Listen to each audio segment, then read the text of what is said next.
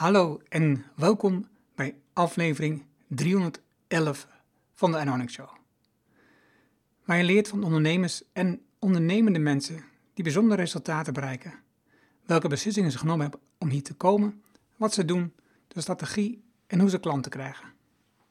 Mijn naam is Erno en ik deel mijn opgedane kennis, ervaringen en expertise met jou. Ik coach ondernemers zodat ze impactbeslissingen nemen om uiteindelijk een gezonde groeimotor te creëren, zodat de onderneming vanzelf loopt. Hiervoor gebruik ik mijn ervaring met meer dan duizend klanten die met exact dezelfde uitdagingen zitten. Vandaag het gesprek met Jaap-Jan Brouwer. Jaap-Jan studeerde geneeskunde en rechten aan de Rijksuniversiteit Groningen. Na zijn studies werkte hij kortstondig voor het ministerie van VWS en daarna voor adviesbureaus als ODRP en Boerenkroon. Na deze periode is hij zijn eigen adviesbureau gestart, dat zich richt op richtings- en inrichtingsvraagstukken in zowel bedrijfsleven als non-profit.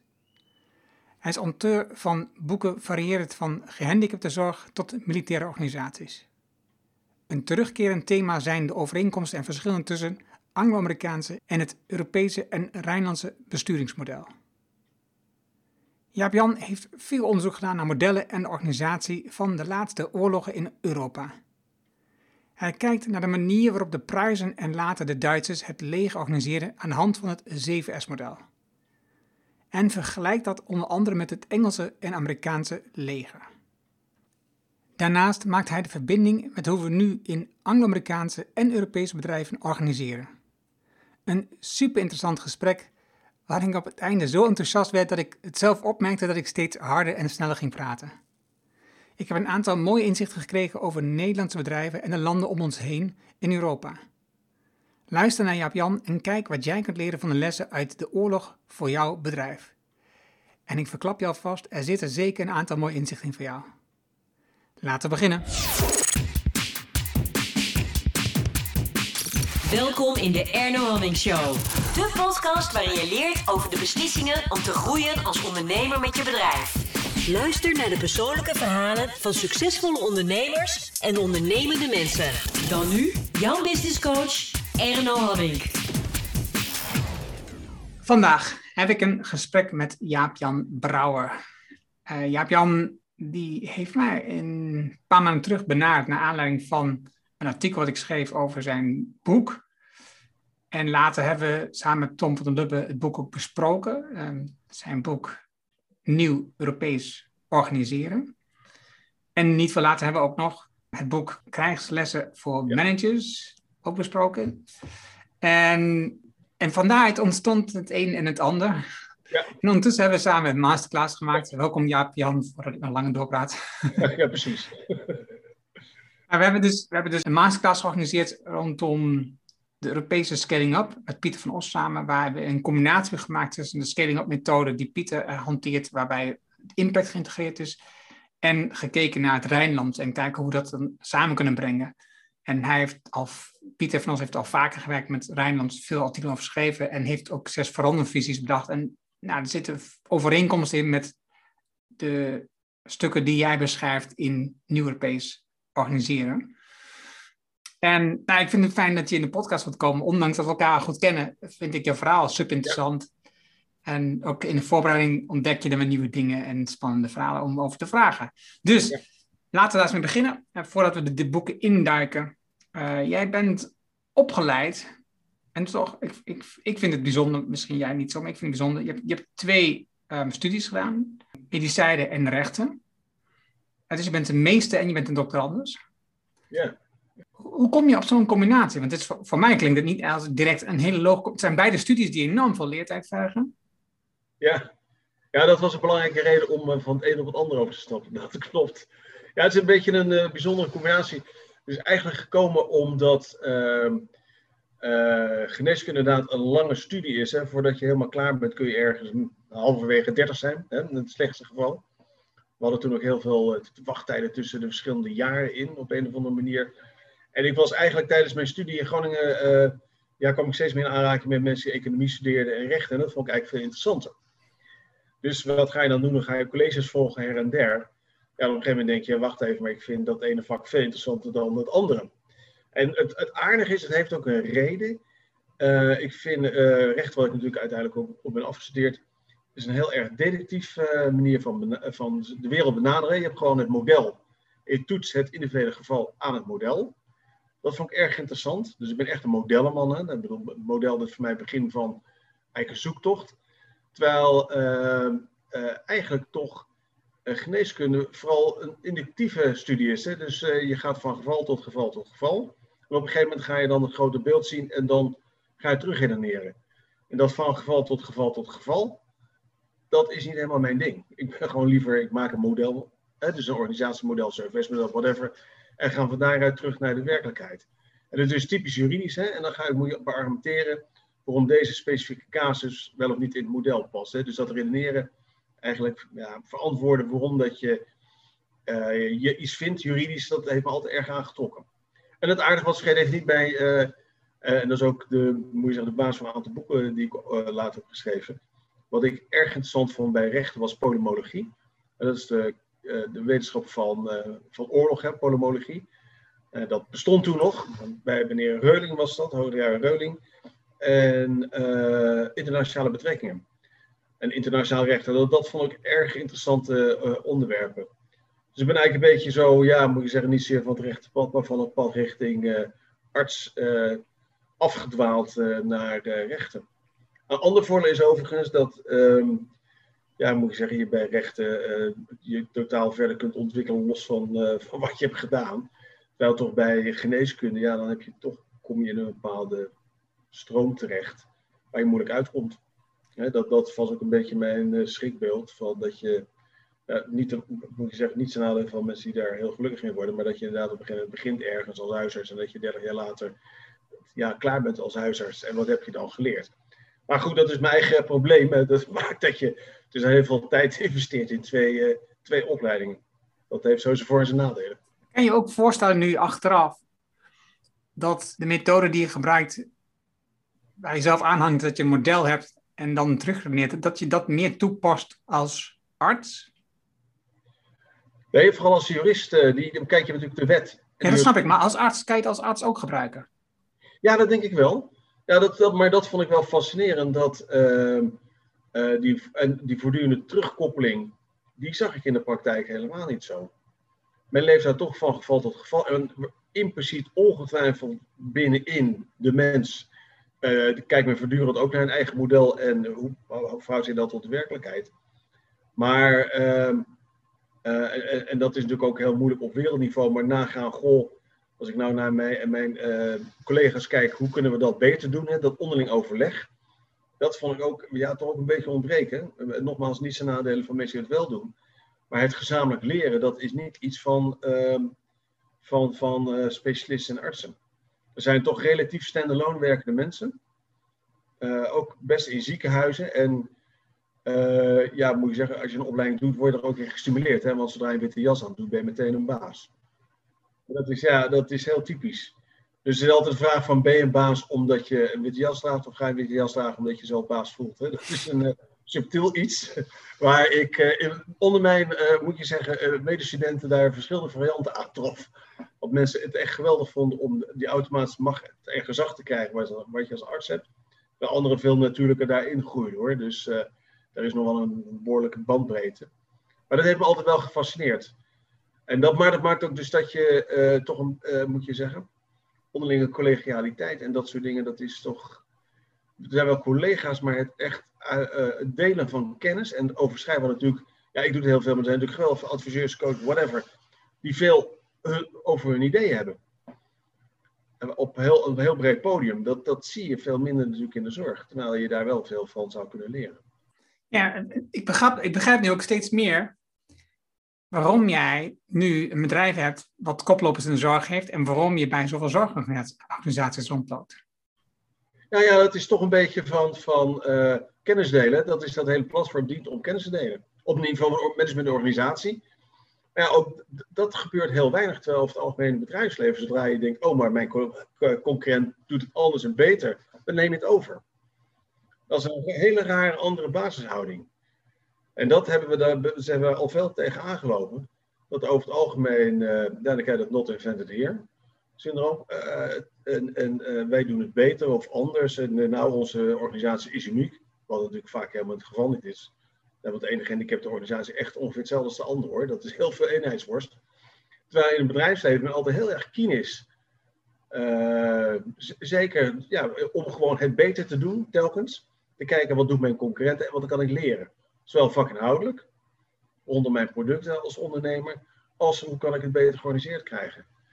Dus een hele andere, en dat, dat vind ik nog steeds, dat zijn twee hele verschillende werelden. En dat uh, maakt ook, nou ja, daar maar kijk naar ondernemingen, groot of klein. In Nederland, uh, ja, moet je zeggen, die zijn, vind ik altijd heel scherp op hoe ze werken. En, en die scherpte mis ik heel erg nog steeds in de zorg. Er is men vaak bang om, als je wat leert, dan heb je het niet goed gedaan. Er is men dus meer angst om, om te moeten leren. Terwijl, nou ja, of het nogmaals grote of kleine bedrijven zijn. zeker vind ik de kleine bedrijven, die zijn heel erg scherp op te leren van hun concurrenten. Zit er, Zit dat dan in die opleiding? Ja, het, ik denk dat er twee dingen zijn. Kijk, de, de, de, er zijn weinig mensen die met geneeskunde, medicijnsachtergrond het management ingaan. Dat is punt één. Uh, punt twee is, ja, wie zijn dan de managers? Dat, dat zijn mensen die, uh, nou ja, als je kijkt naar het profiel, dan moet, zou zij, moet zeggen, leiding, dan geven ze vaak leiding aan hele grote organisatie in vergelijking met bedrijfsleven. Er zijn organisaties waar 12.000 man in werken. Nou ja, zoveel zijn dat er niet in het bedrijfsleven.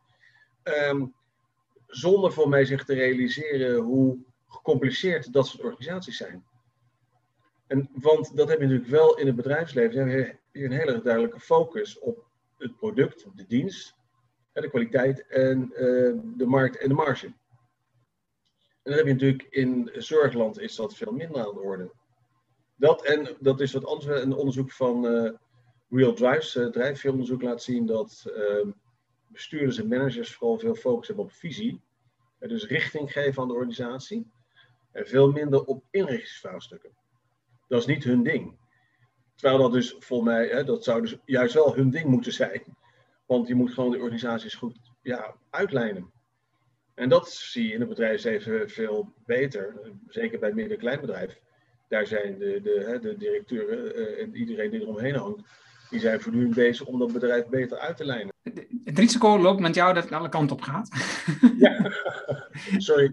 Nee, dat is niet erg. Alleen, ik, ik, ik, ik ben ook benieuwd naar een paar dingen van jou. Dus ik, ik probeer die elke keer weer terug in te fietsen.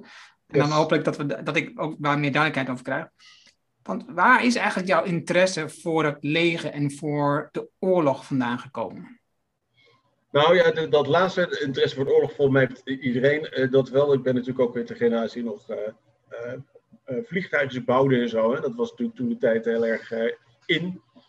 En ook zeg maar de geschiedenis van, van de Tweede Wereldoorlog, Eerste Wereldoorlog. En waar ik me op een gegeven moment een beetje aan ging ergen, was dat met mijn achtergrond als management consultant en alle modellen, doorlegsmodellen die je in je hoofd hebt, als je op zo'n manier gaat kijken naar geschiedschrijving, dan blijft eigenlijk een belangrijk gedeelte van de geschiedenis blijft onbeschreven. Namelijk, hoe deden ze dat? en je kan wel veldslagen beschrijven, maar ik was heel erg benieuwd van, nou ja, maar hè, kijk naar de logistiek, hoe krijg je die logistiek zo uh, op orde? Maar ook, hoe waren die mensen getraind? Hè, was een, de werving en selectie? En daar ergerde ik mij op. Nou, ergerde ik me aan ieder geval. Laat ik eens even kijken. Als ik nou het 7S-model van Peters Wortman neem. Met de S'en van uh, strategie, structuur, systemen, staff, skills en style en shared values. Als ik nou vanuit die invalshoek uh, naar boeken over rommel en zo ga kijken, wat valt me op? Dus ik ben een beetje een kantlijn, moet je zeggen, gaan noteren van god, dit zegt hij over de strategie, dit zegt hij over de structuur, stijl van lijnen geven, zegt over werving en selectie. Ja, het grappige was dus dat er dan, uh, heel veel, dat er dan heel veel interessant materiaal naar boven komt. Waarvan ik denk ja, dat is eigenlijk nog nooit zo beschreven. Heel simpelweg, hoe was de werving en selectie binnen het Britse leger? Nou, dat is nergens beschreven. Terwijl dat wel essentieel is voor het functioneren van de organisatie. Dus allemaal inrichtingsvraagstukken, want daar gaat het over. Hoe richt je een militaire organisatie in? Nou, waar ik toen eigenlijk tegen, redelijk snel tegenaan liep, was dat uh, de Duitsers of de Pruisen eigenlijk een hele goede, heldere visie hadden. Dus een besturingsconcept. En dat heel dedicated hadden uitgewerkt naar de inrichting van een organisatie. Dus al die mooie essen van het CVS-model, daar was over nagedacht. En dat was met ja, verven was dat ingericht en wordt er telkens gekeken, werkt het nou goed? Terwijl bijvoorbeeld de Britten, en dat is misschien geldt nog steeds voor ze, die hadden daar nog nooit bij stilgestaan. Dus ieder deed zijn ding. elk regiment deed, vulde op een eigen manier zo, in het kader van historie, uh, vulden ze gewoon, ja, moet je zeggen, hun, hun uh, organisatie onderdeel in. Ja, dat is natuurlijk, dat leidt meteen tot chaos, want je hebt clubs die één visie hebben en uh, dat op dezelfde manier geïmplementeerd hebben en uitdragen. En je hebt een club, in dit geval het Britse leger, waar gewoon elk regiment, en er waren heel wat, gewoon zijn eigen invulling uh, had. Waar kwam dat inzicht dan, waar kwam dat dan vandaan, dat historische uh, gegeven, dat dat zo verschillend was? Ja, ik denk, kijk, bij de Britten kun je zeggen, en dat is ook wel slim, dat hun regimenten, ze waren natuurlijk een, een, het British Empire, waren over heel de wereld verdeeld. En elk regiment had zo zijn eigen ervaring. De ene, de ene in Zuid-Afrika, de andere in de Rhodesië, nummer drie in India, uh, Filipijnen. Dus het grappige was, je, kan, zou kunnen zeggen, al die regimenten, die legeronderdelen, hadden zich goed aangepast aan lokale omstandigheden. Top. Maar het maakte wel dus dat, eh, bovendien wel even vanuit een koloniaal, koloniaal oogpunt. Hè, dus ja, moet je zeggen, in het kader van hoe houdt de mensen eronder, hadden zij in ieder geval de wapensystemen om dat te doen. Uh, wat natuurlijk heel slim en heel goed was. Alleen gecombineerd in een klassieke landoorlog uh, op uh, Europese bodem, ja, misten zij eigenlijk een eenduidige bestuursfilosofie. En dat is, ja, dat is wel heel fruikend, omdat je daardoor gewoon ja, ieder zo zijn ding deed en er geen overkoepelend geheel was ontwikkeld. Maar waarom had die Pruisen wel? Was, het land Duitsland was toch ook heel lang verdeeld? Ja, ja, ja nou, dat, is de, dat is een beetje het grappige. Kijk, die verdeling heeft wel geleerd uh, dat je het eigenlijk allemaal hebt over zelfsturende uh, onderdelen, om even in dat soort termen te praten. Ja, en de Duitsers, wat, wat ik wel heel knap vind, is dat bij de slag bij Jena in 1806, uh, de, kreeg ze heel erg klop van Napoleon. Ze verloren geloof ik uh, een derde van een land en uh, 30% van hun populatie aan de Fransen. Uh, naar aanleiding van slag bij Jena hebben ze gezegd van nou wij moeten eens even gaan evalueren. Wat is er fout gegaan? Dat is aan zich heel interessant. Hè? Dus dat je als legerorganisatie, we moeten gaan evalueren, want het gaat niet lekker. Dat doen over het algemeen legerorganisaties doen dat niet. En nog de Britten, nog de Amerikanen, nog de Fransen hebben ooit na de, het winnen van de Eerste of Tweede Wereldoorlog gezegd van nou, toch maar eens even kijken. Wat, het ging erg goed, hè? we hebben gewonnen, maar laten we even kijken wat er fout ging. Nou, deze Pruis zeiden van het is vreselijk fout gegaan. Hoe kan dat? Uh, overigens ook wel gekoppeld aan allerlei bestuurlijke veranderingen die ze wilden doorvoeren. Zeiden dat gaat niet goed. Zij kwamen tot de briljante conclusie dat het slagveld een chaos is. Dus dat jij eh, als veldmaarschalk best wel kunt denken dat je uh, je mensen kunt aansturen. En dat waren ook heel veel mensen. Bijvoorbeeld bij Jena liepen daar 300.000 man rond. Het zijn dus ongelooflijk grote ophopingen van mensen. Maar een beetje popfestival is helemaal niks mee. Ja, nou, denk maar eens aan wat je dan moet regelen voor een popfestival. En voedsel en noem maar op. En dan niet één dag, maar gewoon gedurende langere tijd. Uh, dus ze zeiden van ja, het veld, slagveld is een chaos. En we krijgen wel telkens berichten van de frontlinie, maar dat duurt anderhalf uur voordat ze bij de, de tent van de veldmaarschalk zijn. Die denkt daarna en die stuurt een bericht uit en dat duurt weer anderhalf uur. Dus een een oorlog van drie uur terug, minimaal.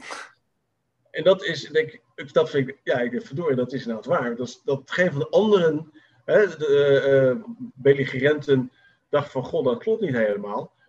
Uh, dus zeiden ze van ja, uh, dat, gaat, dat werkt dus niet zo. Dus centrale aansturing, of we moeten niet de ambitie en de illusie hebben dat we dit soort grote organisaties centraal kunnen aansturen. Want het lokale terrein, de lokale omstandigheden zijn zo fluïde dat je eigenlijk altijd te laat bent met je bevelen.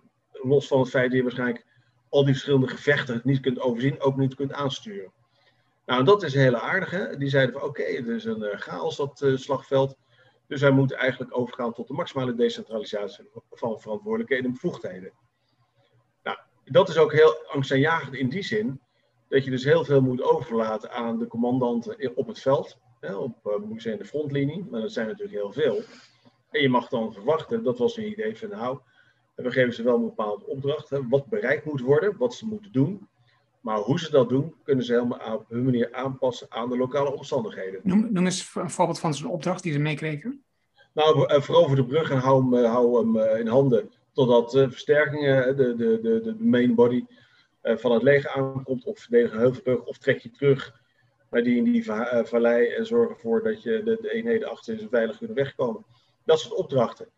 Dus niet hoe je dat gaat doen, maar wat je moet bereiken. Dus die wat in die hoe-vraag werden losgekoppeld. Dat stond heel, erg, stond heel erg vast. Hoe mocht je overigens op basis van de doctrine, want anders schiet iedereen zijn eigen ding doen. er waren natuurlijk wel duidelijke richtlijnen van wat is slim om te doen. Dat was, uh, de, dus die hoe-vraag, dat, dat kon men zelf, within reason, hè, binnen de doctrine, uh, invullen. Een doctrine, wacht even. Wat is een doctrine? Ja, doctrine dat is eigenlijk een set afspraken. Dat is een wat angstaanjagend woord altijd in het Nederlands. Dan zegt iedereen, oh mijn god, wat gebeurt er? Maar doctrine is in feite ja, je afsprakenstelsel. Elke organisatie heeft zijn eigen doctrine, zijn eigen stelsel van afspraken. Waarbij overigens de Duitsers ook zeiden, van, we moeten niet te veel afspraken maken, want dan regelen we alles vast. je moet niet bij de, de, de tekstboek, je moet niet bij de, de manual eh, werken, want dan gaat het alsnog fout. je moet gewoon eh, veel durven overlaten aan het initiatief van je lokale commandanten. En uh, dat zijn professioneel. Maar goed, dat eventjes. Dus hun idee was van die wat in hoevraag koppelen we los. En het belangrijkste is dat zij zeiden: het is een chaos. En je moet niet, proberen de chaos te beheersen. En het aardige is dat eigenlijk alle andere legerorganisaties altijd als uitgangspunt hebben gehad en willen nog hebben. Wij moeten de chaos op dat slagveld beheersen. Nou, daar zit een hele filosofie ook achter van, van hoe, uh, eigenlijk hoe je het leven staat, hoe je in de wereld staat. Kun je de wereld wel of niet beïnvloeden vanuit jouzelf als persoon of als staat. En dat, dat was een heel helder beeld. Dus zeiden ze: oké, wij moeten onze mensen trainen om te gaan met chaos. Dat geeft ook meteen een soort psychologische weerbaarheid weer. Hè? Uh, van van, van hoe je dat moet doen. En zeiden ze, dat betekent dat die lokale commandanten, die moeten gewoon, nou ja, dan krijg je het hele riedeltje van het CVS-model. Als je dat wil, maximale decentralisatie is niet alleen je de verdeling van verantwoordelijkheden en bevoegdheden, maar moeten de mensen in de frontlinie ook als manager of als uh, commandant echt in staat zijn om, moeten professie echt hoog niveau hebben. Daar moeten we echt in investeren. Ze moeten zelfstandig beslissingen kunnen nemen. En hun manschappen moeten het vakmanschap hebben om dat uit te voeren. Ook zelfstandig. Nou, je zag eigenlijk, dat, was, dat is een totaal nieuw concept. Uh, eigenlijk, hè, want wat ik zei, dat was nou, medio 19e eeuw, 1850, 1860, dat dat langzaam zeker begon door te dringen. Dat is de manier om dat te doen. En dat is eigenlijk versneld door de invoering van de mitrailleur, om eens wat te noemen omdat voorheen klassiek uh, legers als één massa oprukten. Er zijn die lijnen die je nou over zijn heuveltop ziet verschijnen. Ja, en dat is uh, nogal killing als daar een mitrailleur tegen staat. dus iedereen, maar ook de Fransen bijvoorbeeld zeiden van ja, maar wacht even, dit is een hele veroude manier van vechten met dat soort uh, linies die tegen elkaar oprukken en dan een beetje elkaar met bajonetten dreigen. Overigens, bajonetten die zijn niet, wordt niet gebruikt om te steken, maar om te dreigen. Het is namelijk heel naar als je gaat steken. Dat weten alle, moet je zeggen, al die lieden wisten dat. Die zeiden, je mitrailleur die maakt dat we gewoon in kleinere eenheden moeten gaan opereren. En dus in Frans staat ook al te experimenteren met het idee van hoe kunnen we nou die kleinere eenheden inhoud en vorm geven. Maar goed, die Duitsers die hebben echt wat dat betreft een grote voorsprong gehad. En zo, eh, je had natuurlijk de Frans-Duitse oorlogen in 1870 was dat zo'n beetje. Ja, en daar, waren de, daar, daar moet je zeggen, kreeg de Fransen geweldig klop eigenlijk hele kortdurende oorlogen. Dus dat was ook heel prettig. Een oorlog, ja, als je het goed organiseerde, was een oorlog kon heel kort, heel erg kort duren. En dat hele concept van auftragstactiek, dat heeft langzaam en zeker, was ook veel weerstand tegen om gewoon die teugels uit handen te geven. Maar zo in de loop van de 19e eeuw, eind 19e eeuw, was het helemaal uitgekristalliseerd. En was er een helder beeld van, oké, dus uh, gedecentraliseerde verantwoordelijkheden en bevoegdheden. Uh, je moet je commandant op het, te velden je moet echt van hoog niveau zijn, willen ze daarmee kunnen omgaan. En ook je manschappen moeten ook een goed vakinhoudelijke vak, vakmanschappen, vakmannen zijn om uh, daar inhoud en vorm aan te geven. En dat is totaal anders dan alle andere uh, legers, want die vochten eigenlijk allemaal met. We hadden eigenlijk de invalshoek, we moeten die chaos beheersen. En die vochten eigenlijk allemaal van, met een redelijk centraal, centralistisch systeem. Waarbij plannen werden gemaakt en die plannen die moesten worden uitgevoerd. En dat is een beetje wat Van Molken zei. Ja, een plan overleeft gewoon wij niet het eerste contact met de vijand. Want de vijand doet plotseling andere dingen dan jij denkt en in het plan hebt gezet. Nou, dat zijn dus echt twee wereldbeelden. Er zit ook een heel stuk filosofie achter van Kant en Bentham. Kant, onze continentale uh, filosoof, die het altijd had over onzekerheden en zekere onzekerheden. Er is één ding zeker, het is onzeker. Terwijl de filosoof Bentham, die zei van er is één ding zeker, namelijk dat er een heleboel zekerheden zijn. Hè? Dat is een hele andere filosofie zit erachter. Nou, die Duitsers, dat, hè, de prijzen werden langzaam zeker Duitsers natuurlijk. Hè, dat was ergens 19e eeuw dat dat Duitsland ontstond. En die hebben dat uh, systeem natuurlijk ook gebruikt in de Eerste Wereldoorlog. Alleen, het punt was, dat was natuurlijk typische loopgravenoorlog. Dus dat werkte niet. En want dat was eigenlijk allemaal fixed lines. Hè. Dat is natuurlijk het punt van, ja, dat is leuk dat je initiatief opgooit, maar dat gaat daar niet werken. Maar wat zij wel deden, is dat zij uiteindelijk in 1917 begonnen met uh, stoftroepen, hè, dus uh, stoottroepen. En dat waren eigenlijk hele kleine eenheden van vier, vijf man. Die infiltreerden in het, uh, ja, moet je zeggen, het, het niemandsland. En eigenlijk was met kleine ja, groepjes eigenlijk zo de linie van aan de overkant bereikten.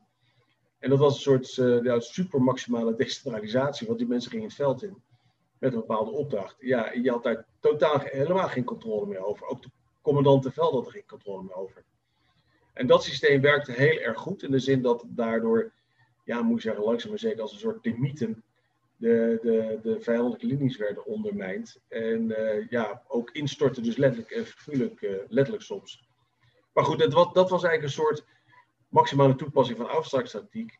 En je ziet dat tussen bij de Wereldoorlog heeft men dat dat verder, uh, moet je zeggen, zelfstandig. En je hebt daar natuurlijk belangrijke innovatie bij gekregen. De tank. De tank maakte dat je, ja, moet je zeggen, plotseling je eenheden over veel grotere afstanden kon sturen. En vroeger was natuurlijk wat de paard in de voet ging, dat was een beetje bepalende snij van de aanval. Nou, en met tanks en zo maakte het mogelijk om natuurlijk nog veel sneller op dingen te reageren. En daar, uh, nou ja, de, de, moest het gevecht te voeren. In, in jouw boek over de krijgsles van managers, daar werd mij duidelijk in, in het verschil van opereren tussen met name dan het Amerikaanse leger en het, en het Duitse leger. En wat ik eruit heb gelezen is dus dat eigenlijk het Duitse leger veel efficiënter was, um, veel effectiever was in hun werk. En het werk klinkt dan wat uh, macaber hier in dit ja. verhaal, hè? want uiteindelijk gaat het over uh, mensen vermoorden. Ja. En, en, en ik snap ook wel, als je ook kijkt naar de oorlog op andere landen waar Amerikanen bij betrokken waren, is natuurlijk. In Amerika is het natuurlijk heel erg normaal dat mensen niet super opgeleid zijn. En dus dat ze veel mensen meenemen om uiteindelijk kleine resultaten te bereiken. Ja. Wat is dan het cruciale verschil aan het einde van de Tweede Wereldoorlog waarom Duitsland het dan toch niet redt? Nou ja, gewoon uh, massa. massa is kassa. Ja, uiteindelijk weet je, weet je op zoveel grond te vechten tegen zoveel uh, tegenstander, hou je dat gewoon weer niet vol. Kijk, dat is het, het grote drama van het Duits leger is dat in het eerste en het tweede oorlogsjaar, laat ik zo zeggen, als je die discussies uh, volgt tussen de legertop en de politieke top voor de veldtocht in Polen, dat is 1939, zei de Duitse legertop, dat moeten we niet doen, dit kunnen we helemaal niet. Nou, die veldtocht in Polen was een succes. Nou, zelf was de Duitse legertop daar zeer ontevreden over. Die vond dat het helemaal niet goed ging. Maar ze hadden succes. Maar waarom vonden ze dat het niet goed ging? Nou, veel dingen gingen niet goed. Gewoon de, ze vonden de, de, de, de, hoe zeg de, uh, commandanten, de laagcommandanten te weinig professioneel optreden. Uh, mensen waren slecht getraind. Weet je, dat waren hartstikke kritisch. Dus ook daar deden ze de evaluatie opnieuw weer. Ja, ja, ja, dat was echt gewoon, terwijl de, de wereld, de, ja, nou ja, voor zover de bezetting van een land briljant kunt doen, maar die vond uh, zwaar onder de indruk van het Duits leger. Zij hadden alleen maar kritiek. Dat is ook typisch hoor. En uh, gewoon zal iets van, nou, ik heb het wel gezien, echt lijsten met kritiek. En denk van, oh ja, dat hè, bijvoorbeeld uh, nachtelijke marsen, dat, gewoon, dat men niet voldoende ervaring had met gewoon nachtelijke opmarsen. Ik van, oh ja, waar kun je bezorgd over maken? Maar dat is heel belangrijk, dat soort dingetjes. Dat gewoon de weinig verdedigingstechnieken, gewoon, dat was niet goed ontwikkeld. De logistiek klopte niet. De tanks konden niet, uh, foute afstemming tussen tanks en infanterie en artillerie, weet je wel, dat soort dingetjes. Dus dat vind ik het sterke. Het sterke is dus dat je voortdurend evalueert wat gaat er goed en wat gaat er fout. Dat is waarschijnlijk een soort typisch Duits-Pruisische eigenschap hoor. Maar dat, dat vond ik wel heel fascinerend. Ze waren zeer ontevreden. We hebben ook een uitvoerig uh, trainingsprogramma uh, daarna gedaan van september, oktober 1939 tot mei 1940. Maar in feite was verder hetzelfde. Iedereen zei wel, dat kunnen wij helemaal niet. We kunnen dit soort, we, we hebben al eerder in de Eerste Wereldoorlog meegemaakt, dat loopt fout. Nou, dan kan je de politieke top zeggen, ja, maar ja, de, de Poolse veldtocht was natuurlijk geweldig. Dit gaan we ook aanpakken. Ook een groot succes. ja, en dan, daardoor was eigenlijk dat, moet je zeggen, het leegtop in een, ja, moet je zeggen, situatie verzeild geraakt. Dat ze eigenlijk nergens meer nee tegen konden zeggen. Dus het jaar later Sovjet-Unie, ja, daarvoor zeiden ze ook, is dat wel verstandig? want je kan natuurlijk de logistiek uitrekenen wat het kost. Je kan je onderdelen, positie, uh, noem maar op, kun je ook allemaal berekenen. Dat gaat niet werken. Ja, uh, politieke top zei, je moet je mond houden. We hebben, dat zei hij de vorige twee keer ook al. Maar dus, er is misschien nog weinig aandacht voor, maar die zijn slachtoffer van eigen, succes geworden. En dat is natuurlijk een beetje, ja, nou ja, dat is, dus, dat is het nare. En kijk, uiteindelijk dan weet je zoveel mensen tegen je in het hardste jagen, dat je natuurlijk aan het kortste einde uh, trekt. En uh, nou ja, en, het punt is een beetje, dan, dan is dus altijd de vraag van, net zo goed als dat, zoals meneer Reuning altijd zei, het recht na de oorlog is het recht van de overwinnaar. Is het bestuursconcept van na de oorlog, is het bestuursconcept van de overwinnaar. En dat waren natuurlijk die Amerikanen. En de Amerikanen waren bij uitstek een, een leger wat door een laag opleidingsniveau van de, zowel de soldaten als de leidinggevende officieren uh, uh, heel planmatig werkte. Want die wisten als je, en dat was ook een ervaring in Noord-Afrika met die Duitsers, zodra ze enigszins de, uh, de vrije teugels geven, dan gaat meteen fout. Want dan worden onze mensen worden gewoon, ja, die krijgen gewoon klop. Die zijn niet opgewassen tegen ja, een organisatie natuurlijk al honderd jaar lang met een, bepaald bestuursconcept uh, trainde. Dat was helemaal doordecent van zo'n manier van de, decentrale bevelvoering.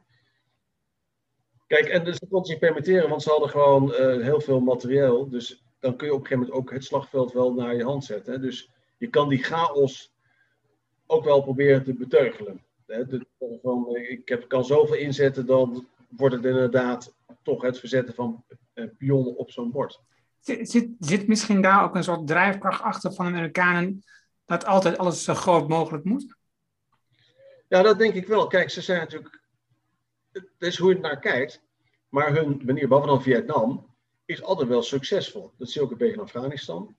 Maar als je dan praat met veteranen, eh, dus Nederlandse veteranen, met uh, hoe, hoe zij de Amerikanen uh, ervaren in Afghanistan. Wat precies hetzelfde is, gewoon een machine die over een streek heen dondert. En uh, ja, er gaan allerlei dingen fout. We hebben toch heel veel collateral damage, omdat je gewoon altijd gewend zijn, nou er is tegenstand, we gaan bombarderen. En dat soort zaken. Terwijl natuurlijk de Nederlanders met hun soft approach, maar natuurlijk ook de Denen, vergeet even niet, wij kijken alleen naar het Nederlands, behalve, uh, heel Europa heeft daar gezeten. En die zijn veel meer van ja, we moeten goede relatie opbouwen met de bevolking. En niet eerst bombarderen, dan kijken wie er uit de puinhopen omhoog komt. En, en dat zijn, en dat, dat, maar het het is gewoon, het is, ja, ik ken dus mensen die hebben gevochten. Die zeiden van ja, is wel geweldig, want uh, wij hebben al problemen met munitie. Dan kom je op zo'n post, uh, wij nemen dan zo'n post van de Amerikanen over. Die hebben dan uh, eh, 1500 stuks granaten liggen. Daar liggen. Wij moeten met een kistje per week, om wijze van spreken. maar het over zijn er dan wel de verkeerde granaten, zijn panzer de boorende granaten, terwijl je gewoon houwitse granaten hebt. Maar ja, dat is dan, dat ik, oh ja, dat is ook een typisch Amerikaans. Het is, oh ja, het is wel goed, maar het is net fout. Uh, maar ze zijn natuurlijk in staat tot geweldige eh, dingen, ook logistiek. En uh, dat, dat, is wel, vind ik, altijd fascinatie van zo'n uh, Amerikaans leger. Het werkt allemaal wel. Het is niet zo efficiënt, maar het werkt wel. Het grappige is dus ook, wat ik net ook ineens inzag, was het onderscheid wat jij maakte tussen hoe de politiek er tegenaan kijkt, hoe het leger er tegenaan kijkt. Voor mij, Hitler was voor mij het leger. Ja, maar dat is, nee, nee, nee. Dit is dus niet waar. Nee, nee, nee. nee. Kijk, het, de Hitler vond het leger, de Weermacht, een heel grote bedreiging. En omdat gewoon, uh, ik bedoel, zij zei. Uh, het punt was een beetje, wat je, ik zal, wat je Weermacht kunt verwijten, is dat ze nooit voldoende politiek zijn geïnvolveerd om het, uh, de politiek naar hun hand te zetten. Ze hebben altijd gezegd, wij zijn neutraal. En nu ik ben natuurlijk nooit neutraal, maar wij doen niet aan politieke spelletjes. want wij zeiden, dat was natuurlijk ook noblesse oblige iemand als Rommel, ja, dat is een geweldig held in onze ogen. Dureer. Maar die waren niet van de adel. Dat was toch jammer. Ja, dus, ja dat is, dus, het is wel een grappige man was dat. En uh, het trok mij heel erg veel aandacht. Maar het was gewoon, ja, behoorde niet tot het officierenkort. Dat was natuurlijk wel officier-generaal, maar. Maar het was niet, toch eigenlijk niet, uh, niet ons soort mensen. Dus waren heel erg ons soort mensen. En was natuurlijk iemand als Hitler en überhaupt heel die partij top. Behalve Geuring, dat was trouwens wel een, een ace hè, in de Eerste Wereldoorlog. Geuring wordt al een beetje een vet mannetje neerzet. Maar was toevallig wel een hele beroemde uh, vliegeneer uit de Eerste Wereldoorlog. Maar zo, dat vond ons allemaal nieuwe lichterij. En, ja, maar ze waren, dat waren, ze waren wel de politieke baas natuurlijk, hè? dat was het hele punt. Dus ja, dan heb je toch je te vroeg of je moet een staatsgreep plegen. Dat is natuurlijk altijd zoiets. Dat, dat hebben ze natuurlijk ook wel gedaan in 1944. Uh, met, we hebben met de bomaanslag op Hitler. Maar wat veel belangrijker is, is dat daar een behoorlijke staatsgreep heeft plaatsgevonden. Met echt allerlei gedoe in uh, Parijs, Brussel en Praag. Maar het probleem was dus, dat was, dat was redelijk losgekoppeld. Overigens had eventjes, uh, maar, maar, goed, dan gaan we wat niet in de diepte in. onze vrienden hadden natuurlijk wel de Waffen-SS opgericht. Hè? Juist als counterpart, als tegenwicht tegen de klassieke weermacht. Maar om eens wat te noemen, uh, armeegroepen Mythe, dat is dus de groep die zeg maar midden Sovjet-Unie onder zich had, was altijd gekloot. Want ja, die hadden allemaal uh, officieren die gewoon tegen Hitler waren. Dat was altijd. Ja, dat van Gloeken geloof ik en zo, dat is altijd, dat is, er werd altijd gekonkeld daar. Maar goed, om even aan te geven, als je dat induikt, wel heel ja, grappig is niet het juiste woord. Maar er is dus voortdurend gemor. Aan de ene kant, aan de andere kant, ja, ze deden wel uiteindelijk wat uh, de, hen werd opgedragen. Dus dat was een beetje tandeloos uh, gedoe. Ze hadden, het enige wat ze hadden kunnen doen was een stevige staatsgreep. Alleen ja, het punt was dat toch gewoon ook, de, moet ik zeggen, die partij, inclusief Hitler, toch behoorlijk brede basis uh, schijnt gehad hebben tot ergens, nou ja, midden 44. Dat was een beetje laat. Nee, ze zijn dus een beetje ook op dat niveau ten onder gegaan aan hun eigen succes. Dus we hadden eigenlijk de Poolse veldtocht dat, uh, dat ze moeten verliezen, bij wijze van ja, ja, dat was, dat was handiger geweest. Nou ja, en ik, ik bedacht me twee dingen in. Want ik heb het ook vaak over beslissingen. Dat is een onderwerp waar ik veel aan bezig ben. Dus een beslissingen, dat is ook zoiets. Hè? Een, een beslissing, de uitkomst van een beslissing heb je eigenlijk geen invloed op. Op het moment dat je beslissing hebt genomen, op dat moment gaat de praktijk werken en er kan er van alles gebeuren, je hebt geen idee. Maar wat er gebeurt bij veel mensen is, en zeker bij uh, leidinggevenden en bij nou ja, managers en dat soort mensen, is dat ze een beslissing nemen en dan zich um, concentreren op het resultaat van, van de beslissing. Ja. En wat, dus, wat ze dan doen is dat ze dus zeggen, op het moment dat het resultaat goed was, dan zeggen ze, oké, ik, heb, ik heb een goede beslissing genomen. Op het moment dat het resultaat slecht was, zeggen ze, ja, de omstandigheden klopten niet. Weet je? Ja. Het lag dus niet aan de beslissing, maar de omstandigheden kloppen dan niet. Maar wat ze uh, nalaten is eigenlijk een goede analyse maken van hun beslissingsproces. En dat zie je wat de Duitsers wel doen, want zij zien, in, voor wat jij zegt, ze zien dus dat ze dus, ook op het moment dat je dus, dat het resultaat niet is wat je verwacht, dat ze een analyse maken van wat er gebeurd is. En dan tot de conclusie komen, oh, dit en dit en dit hebben we niet goed gedaan en dat en dat, dat ging goed. Maar op het moment dat ze wel wonnen, ook dan deed die analyse. Ja. Dan keken ze ook naar wat er gebeurd was. En dat zie je er bij veel mensen die dus een besluiten, dat ze dat niet doen. Ze, op het moment dat het goed is, zeggen ze, oh, we hebben het goed gedaan, we doen een volgende. Terwijl dan gaat het hartstikke uit fout. Het had wel veel beter gekund, zeggen ze dan, bij wijze van spreken. Ja. Ja, dat is een root cause analysis, hè. Ik bedoel, dat is misschien een, uh, niet het juiste woord, maar... En ik denk dat dat een beetje, maar ik weet ook niet of dat in, in de Duitse industrie ook nu zo is, hè. Wat verklaart nou de kwaliteit van de, de, de Duitse industrie? Maar dat onderscheiden hen dus ongeweldig van, van uh, uh, andere organisaties. Aan de andere kant, vergeet even niet, Amerikanen evalueerden, ook als fout ging niks, hè.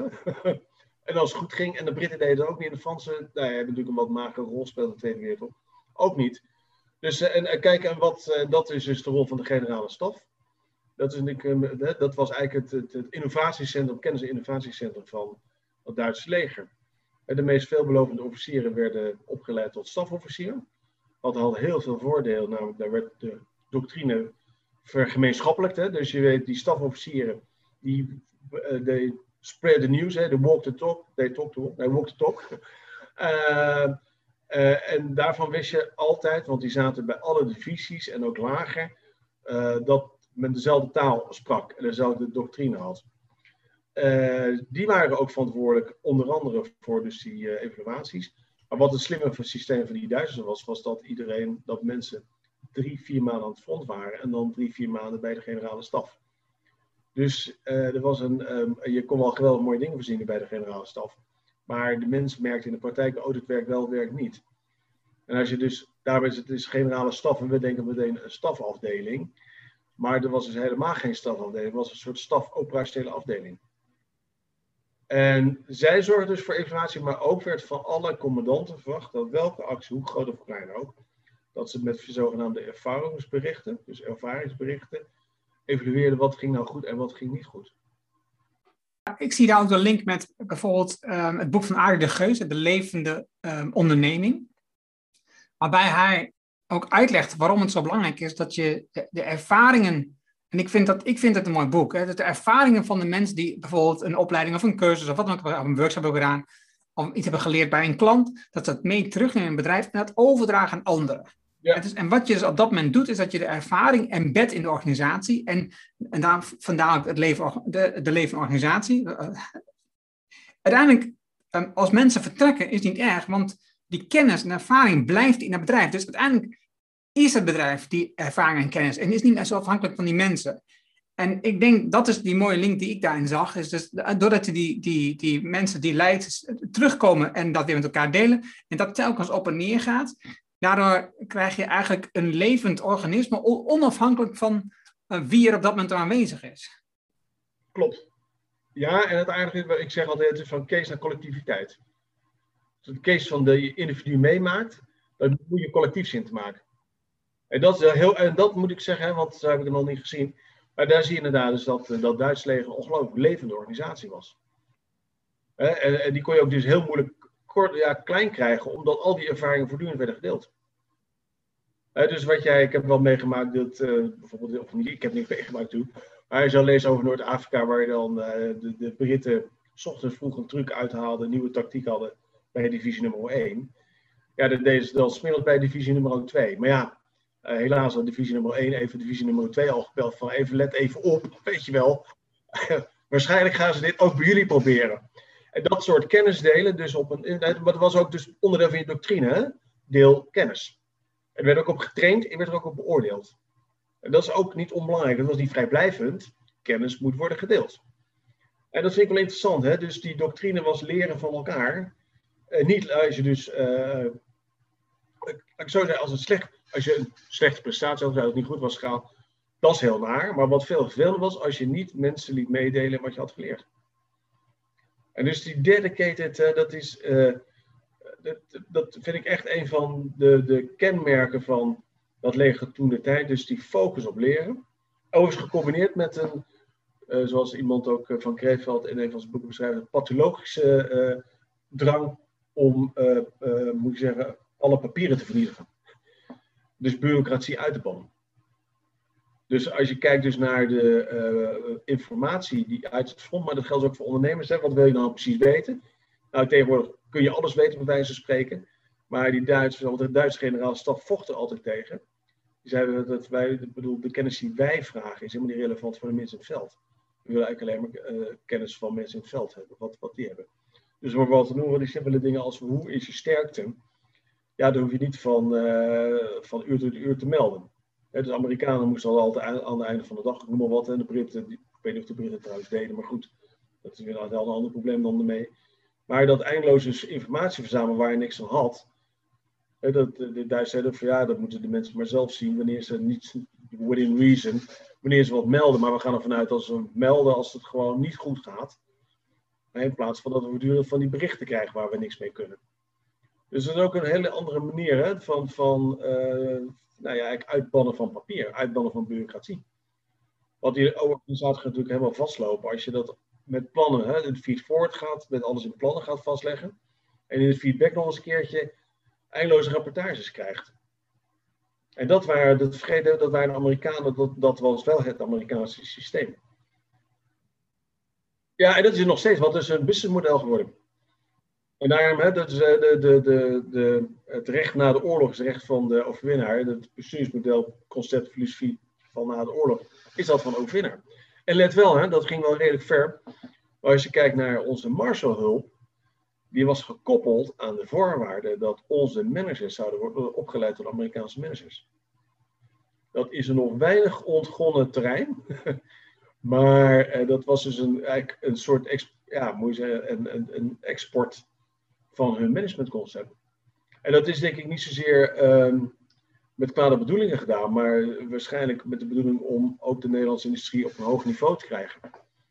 Dus dat is met name in de eind 50, uh, eh, eind 40, begin 50 jaren was dat, ja, eigenlijk werden dus alle bedrijven niet zeer gedwongen, maar de, de clubs die dus subsidie kregen, die die marge op kregen, die moesten bij wijze van spreken hun forecast, weet je, dat soort dingen gaan op de Amerikaanse manier doen en ook de feedback op de Amerikaanse manier. Maar de Duitsers hebben dat eigenlijk nooit ingevoerd. En ik weet, niet of, ik weet nooit of hoe dat precies in Duitsland is gegaan, want dat was natuurlijk een redelijke chaos, denk ik, na de Tweede Wereldoorlog. Dat ze ook nog eens een keertje 2 miljoen vluchtelingen uit Oost-Europa en zo kregen. Dus ik weet nooit hoe, uh, hoe dat nou, hoe dat, hoe, ook of de Duitsers zich nu realiseren of ze dus een ander, anders erin zitten in de wedstrijd, om maar zo te zeggen. Want ik denk dat ze gewoon heel veel, want heel veel van die bureaucratisering is ook best nuttig. Hè? Wij zeggen niet het moet het een of het ander zijn, moet anglo-saxisch of Rijnlands. Nee, het is namelijk een combinatie. De ene keer is dit beter, de andere keer is dat beter. En zo'n Anglo-Amerikaans model heeft natuurlijk heel veel mooie uh, kanten. Hè? Dus dat moet je vooral ook uh, in, uh, in ere houden. En ik denk eerlijk gezegd dat, zoals inderdaad een van de mensen met wie ik laatst sprak, een hoogleraar in Limburg, die ook veel in het ziekenhuis met Duitsers werkt, heeft gedaan bij ons is hiërarchie een beetje een, raar woord. Maar bij, bij die Duitsers is uh, hiërarchie functioneel. In de zin van het is handig om gewoon een leidinggevende te hebben. In plaats van hebben leidinggevende omdat toevallig wij de organisatie hebben gestructureerd. Hij zegt die gaan dus heel anders met, met leidinggeven om. En met, ja, moet je zeggen, mensen in de lijn. Dat vond ik een hele aardige, dat zou ook nog eens een keer wat verder onderzocht kunnen worden. Hetzelfde geldt ook een beetje voor Fransen. Frans wordt altijd uh, beschouwd als heel erg arrogant, noem maar op. En uh, uh, heel erg gericht op, op macht en gezag. Maar dat zijn onze observaties. Wij als Nederlanders hebben heel veel moeite met gezag en met macht. En met leiding geven en leiding krijgen. Dat is echt wel een soort probleem, want we vinden de Duitsers daar een opvatting over, de Belgen, de Fransen. Ja, terwijl ik denk van ja, maar ja, dat, die is, pakken dat anders op. Maar als de hele wereld het anders oppakt dan wij. Misschien moet je dan eh, vragen, doen wij het wel goed? ja, dat is een goed punt. Als je ja. alleen al kijkt Duitsland, Frankrijk, België, ja, er zijn toch een paar meer mensen. ja, ik, ik, wou zeggen, hè, ik bedoel, uh, dat, hebben toch, uh, dat zijn belangrijke handelspartners bij ons. En als we daar problemen hebben, en zoals ooit, ooit een onderzoek geweest van de Universiteit van Keulen was dat volgens mij, over hoe Duitsers Nederlands ervaren. Die vinden Nederlandse, met de Nederlandse een geweldige sociaal complex. Want de baas is niet de baas, of die gaat plotseling niet baasgedrag vertonen. Ja, dat is allemaal gelijk. Dus het is heel erg onduidelijk wie, wie het nou voor het zeggen. En er worden allemaal die grapjes gemaakt. denk ik van, nou ja, past dat wel in deze setting? En als geconcludeerd, daarmee verloren wij iets van 18% van opdrachten aan Duitsers. Uh, omdat Duitsers ja, onbegrijpelijke mensen, daar gaan we maar niet mee verder. Dus even dus hoe, hoe anderen naar ons uh, kijken. Dat is, zou ook wel eens goed zijn om daar wat mee open voor te staan. Dus wij krijgen, als je het hebt dus ook over legerorganisaties, denk je altijd, ja, dat zijn hele strakke, hiërarchische, hè, met kadaver, gehoorzaamheid en noem maar op, structuren. Maar als je verder opkijkt, dan blijkt dat, dat geldt natuurlijk ook wel voor de Amerikanen, helemaal niet zo te zijn. Het is helemaal niet zo dat dat allemaal heel strak georganiseerd is. De, de Duitsers waren per definitie gewoon als doctrine niet strak georganiseerd, maar ja, 300.000 man kun je ook niet strak aan. Dat konden de Amerikanen ook niet. Daar gebeurden ook allemaal rare dingen. Een eigen initiatief en dat soort grapmakerijen minder gesanctioneerd en uh, misschien minder effectief aan de Duitse kant. Dat gebeurt er ook. Dat is natuurlijk een beetje, ja, vaak ook de parallele wereld die je in uh, normale organisatie, ondernemingen ziet. Dat de baas kan het wel op manier A geregeld hebben, maar de medewerkers het op manier B in. En een beetje wat je krijgt met leader organiseren van, goh, wat is de schaduwwerkelijkheid en wat is de echte werkelijkheid? Nou ja, je moet altijd constateren dat het handig is om een beetje schaduwwerkelijkheid hebben, want dat is een beetje smeerolie, maar moet niet uit de hand lopen. Wat me nog uh, intrigeert is, want je bent op moment ben je dus die boeken gaan analyseren met het CVS-model. Waarom heb je toen gekozen voor het CVS-model? Wa waardoor was jij geïnspireerd? Nou, ik vond dat CVS wel, uh, nog steeds vind ik dat, is een heel mooi model, wat uh, aan de ene kant harde elementen heeft. Strategie, structuur en systemen. En aan de andere kant hele zachte elementen. Dat is staff, skills, style en shared values. En wat mij altijd wel fascineerde is als je zeg maar, de missiestatement van een organisatie hebt, om eens even een goede Anglo-Amerikaanse term te gebruiken. Uh, en je zegt het is een uh, klantvriendelijke organisatie, dat is alright, hoe gaan we dat in, dan in structuren vastleggen? Dat is een probleem. Maar je kan wel meteen definiëren, oh wat vereist stelt dat aan mijn medewerkers, hè, de staf. Wat voor stijl, stijl van leidinggeven, stijl van werken, benadering heb ik nodig. Wat voor shared values horen erbij? Dus ik vond het sterker altijd dat je redelijk snel van een redelijk abstract iets als missie en visie die stap kunt maken naar maar wat houdt het in de praktijk in. En als je dat hebt gedaan, s ochtends vroeg kun je meteen als middags tegen je, bedoel, als je dat met de medewerkers hebt gedaan, kun je er eigenlijk in de middag meteen mee aan de slag gaan. En dan blijken toch die dingen als structuren en systemen, dat is gaat de klus om dat gewoon goed te krijgen. Dus dat vond ik een, uh, al een hele sterke. En wat dat betreft is dat een, eigenlijk een EVG-model wat alle elementen van de organisatie uh, wel dekt. We hebben natuurlijk later allerlei, of uit überhaupt zijn natuurlijk heel veel modellen, maar uh, dit vind ik een hele, altijd heb ik al een hele charmante gevonden. En iedereen waarvoor die zegt het is een oud model uit 84, zeg ik prima. Maar als jij een beter model weet, dan gaat het aan. En als je kijkt naar Duitsers, dan. Als ik bijvoorbeeld kijk naar het boek Hidden Champions van Herman Simon. Ja. Er staan enorm veel Duitse voorbeelden in. Ja. Dat is aan de ene kant logisch, hij heeft een Duitse achtergrond. Maar aan de andere kant, eh, ik denk ook dat er veel grote Duitse bedrijven zijn die een kampioen zijn uh, in hun niche. En dat zie je in Nederland ook, maar toch niet zo groot als in Duitsland. We zijn natuurlijk ook een kleiner land, oké, dat klopt. Ja. Maar dan nog, de verhoudingen um, zijn, wel, zijn wel anders. Zie jij dan uh, toch dit soort structuren um, van het CVS-model daarin terugkomen in dat soort organisaties? Nou, ik zit even, en hoe doe je dat precies? Uh... Als ik kijk naar wat je toen straks schetste over het, de rangen en standen in het leger. En wat je net zei, hè, de Duits is de hiërarchie functioneel. Je ziet het ook in het opleidingsstructuur, uh, meester, gezel, leerling.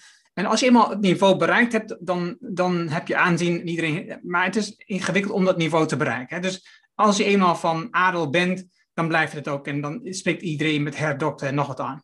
Ja, en, en dat is ook de verwachting en iedereen doet dat ook. Maar als je het niet bent, dan is het ook heel ingewikkeld om daar te komen. De zuilen zijn duidelijk aanwezig. Ja. Ben je dan in staat om een organisatie in te richten op zo'n CVS-model manier, waarbij je dus veel meer kijkt naar van die zachtere kant, waarbij je veel meer dingen organiseert, die meer losstaat van, van iemand, hoe die, hoe die geboren is, zeg maar. Nou ja, dat, dat, kijk, dat, als je kijkt naar het CVS-model, zeg ik altijd, je kan, het ligt maar aan welke S je als uitgangspunt kiest. Hè. Als je heel erg naar structuur gaat kijken, dat invullen, dan dat is een beetje Anglo-Amerikaans, maar daar doe ik misschien helemaal recht aan. Dan pak je dat en dan zijn de andere minder belangrijk. Kijk, wat je natuurlijk sterk in Duitsland hebt, dat is natuurlijk nooit een. Uh, kijk, in Engeland, in minder mate in Nederland, heb je allemaal echt uh, rangen en standen. Terwijl in Duitsland heb je dat nooit gehad? Daar heb je helemaal geen adellijk systeem. Daar willen ze ook heel graag ons koningshuis. Al is het maar ter leasing. Dat hebben ze helemaal niet. Uh, en dat heel fijnmazige systeem, dat zie je natuurlijk in, in vind ik Groot-Brittannië daar als bij uitstek een mooi voorbeeld van. Ja, dan maken bepaalde mensen bij geboorte al uh, nou, in, het hooghuis komen en anderen gewoon die dat, uh, nou ja, dat, dat wordt niks, dat weet je al. En in Duitsland heb je natuurlijk die rangen en standen vertaald in, zeg maar, die meeste gezel, hè, dus dat is vaak dus meer gericht op arbeid, adelachtige dingetjes. Van daar kon je, en nog kon je en kun je denk ik nog steeds in Duitsland aanzien mee krijgen. Dus een herdokter, ja, want als hij of zij aardig was geboren, was hij noem maar op, dan was het al binnen, heb je niks voor te doen.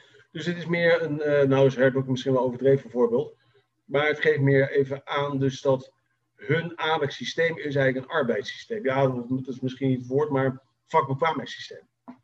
En ik denk dat dat, dat maakt dus ook die functionele hiërarchie, begrijp je? Daar zit, denk ik, uh, uh, ook een soort onderlinge aanzien krijg je. Daar krijg je dus aanzien door. En niet bij geboorte. Nee, bij, de, bij de stad in, op je plek, op je werkplek, zeg maar. Dus niet bij geboorte, maar eigenlijk bedoelde ik dat ook, bedoel niet, hè? maar ik bedoel van de stad vanuit je werkplek. Maar... Ja, precies. Dus, stand, hè? dus ik denk dus, het is een standaardmaatschappij, maar een soort fucking houten standaardmaatschappij. Maar misschien is het sociologisch totaal onverantwoord wat ik zeg, maar dat, dat voel ik een beetje en dat verklaart dus dat wij dat vreemd vinden. Maar ze hebben niks anders namelijk om zich aan te, uh, te ja, een soort impliciete hiërarchie aan te brengen. En, dat is een, en dan is het toch gezag, want dan behoor je tot een bepaalde vakbekwaamheidsstand. Ja, en ik snap dan ook wel weer, ik kan dan ook weer begrijpen waarom je dan die hiërarchie uh, belangrijk vindt. Omdat je namelijk daarvoor aan gewerkt hebt en voor geleerd hebt. En juist in, in Nederland we dat irritant vinden, want dat zijn mensen die het met geboorte hebben meegekregen. En dus, ja. en dus heb je het niet verdiend eigenlijk. Weet je? Dus, nee, dat is precies. En dus hebben we daar een hekel aan. En, en ik, ik, ik zie dat nu ook wel, waarom dat zo is. Ja, het is een beetje, het is een beetje uh, sociologie van de koude grond, maar ik denk dat dat daar dus een rol uh, speelt. Wij hebben, het raar is, we hebben natuurlijk, we zitten een beetje in between, want we hebben aan de ene kant geen, ja, bij ons is dat hele adellijke, moet ik zeggen, is ook niet heel erg sterk ontwikkeld eigenlijk. Uh, maar we hebben ook niet iets van een, een standaard systeem, hè, uh, à la elkaar van vakbekwaamheid. Sterker nog, wij zijn als Nederlands, wil je vaak, je ligt niet boven de korma, of niet boven, moet niet boven de koren uitsteken, want daar kunnen we helemaal niet tegen. Wij zijn wat dat betreft zo egalitair dat gewoon alles wat gewoon erboven komt, dat wordt gewoon gebulldozerd. En dat is altijd even functioneel wellicht. dat is een beetje wat dus die Duitsers, die reflectie van het Universiteit van Keulen onderzoeken van naar ons. Ja, dat is heel moeilijk voor anderen, maar dat geldt ook denk ik voor België en Fransen. Om nou te zien wie nou gewoon de baas is. Niet de baasbaas, die, die, de, de baas, hij staat hoog in de structuur. Maar wat is nou de man of vrouw met aanzien die het gezag heeft om deze club te vertegenwoordigen? Oké, okay. je hebt. Nou, ik, ik heb een lijstje gemaakt van boeken die, uh, die ik kon vinden, laat ik het zo zeggen.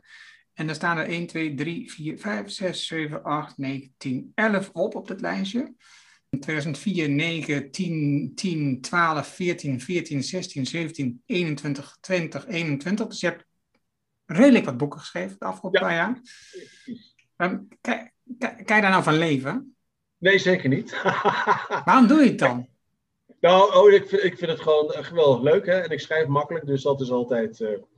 En wat ik al zei, er zitten een aantal van die ontwikkellijnen in. Uh, het maf is natuurlijk een beetje dat vanuit die analyse van het Duitse plus Amerikaanse leger die bestuursconcepten duidelijk naar voren kwamen. Uh, dus onder andere het Anglo-Amerikaans model en het Rijnlandse model, of Duitse Rijnlandse model. Nou, dat is een beetje opgepikt natuurlijk door, uh, dat heb ik samen met Jaap Peters en zo opgepikt. Hè. Dus dan krijg je een soort variaties op thema's.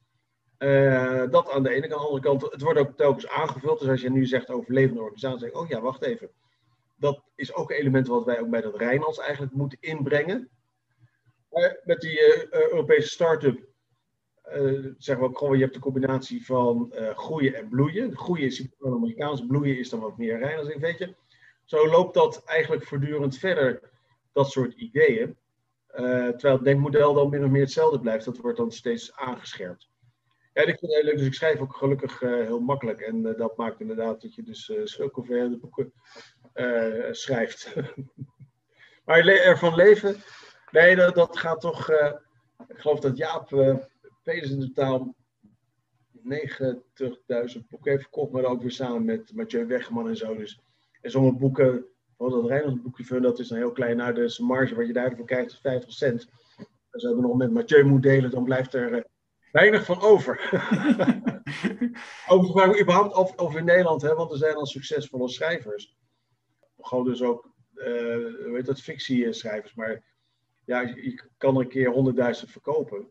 Maar daar kun je natuurlijk uiteindelijk niet, uh, daar kun je geen, geen leven lang van leven. Nee, nee. Nu, um, even over, we hebben over, het kan zijn, en ik heb over beide boeken, um, over twee van jouw boeken, dat is beter, hebben een podcast opgenomen, een boekencast opgenomen, dus die um, zal ik in de show notes opnemen. Dan kun je echt meer leren van die boeken, dat is super interessant. En dat gaan we niet allemaal nieuw doen in deze aflevering. Maar er zijn wel een paar puntjes die ik even wil met je doornemen en kijken of wat jouw visie op is over het boek Nieuw Europees Organiseren een van de elementen die ik um, in ieder geval wil zeggen, en hoef niet te reageren, maar in ieder geval wil zeggen is dat wat het mij opviel was, uh, dat is eigenlijk, zeg maar, uh, wat je nu net ook zegt, het gaat niet over het ene is goed en het andere is fout, maar het Rijnlandse is meer een tussenmodel tussen aan de ene kant het Anglo-Amerikaanse, um, vanuit de markt alles georganiseerd, en aan de andere kant alles vanuit de overheid, dus meer het communistische gedachtegoed. En dat zit er tussenin. Dus waarbij je een combinatie krijgt van, oké, de markt is belangrijk, maar ook de samenleving en de maatschappij en de overheid heeft, heeft, speelt een belangrijke rol in het geheel. Dus we kunnen dit niet zomaar uitschakelen. En dat zie je. Dus ik zie onderhand wel ook zeker die trend um, steeds meer versterken in Europa, waarbij um, in Nederland is nog wel een roep van we moeten afbouwen met de overheid. Maar voor de rest in Europa zie je toch wel een sterke een versterking om meer een combinatie te maken tussen overheid en bedrijfsleven. Ik zie het bij Marianne Mazzucato bijvoorbeeld duidelijk ontstaan, waarbij zij steeds meer de samenwerking opzoekt tussen die twee. Omdat, ehm, en zij zegt bijvoorbeeld, ik wil niet dat de overheid altijd te laat komt. Weet je, die moet altijd te hulp worden geroepen op het moment dat het misgaat. De banken die, vallen, die zakken elkaar en de overheid moet het oplossen. Uh, we krijgen een virus, de overheid moet het oplossen. En daar moeten we vanaf moeten voor zorgen dat de overheid veel meer in een beginnende fase meedenkt en participeert en ook duidelijk is wat het effect is en het resultaat is van de dingen die ze geïnitieerd hebben. Zoals um, uh, het product eh, van Apple, weet je, het zijn veel van die technologieën die in Apple's product zijn gebruikt, schetst zij, die zijn bedacht door dan wel het leger, dan wel de universiteiten. En die worden gewoon overgenomen. En iedereen ziet nu alleen maar het succes van Apple. En zijn vergeten waar het eigenlijk vandaan komt. En dus ze zijn vergeten wat het belang was van de overheid. Dat doen natuurlijk de bedrijven, doen dat heel bewust. Maar daar, schetst, nou, daar is zij hard op. Dus dat vind, ik, dat vind ik mooi om te zien. En ik zou ook willen dat we in Nederland meer hebben. Dat we meer um, zien wat het belang is van de overheid. Ik wil niet zeggen dat we meer ambtenaren moeten hebben. Dat is niet wat ik bedoel te zeggen.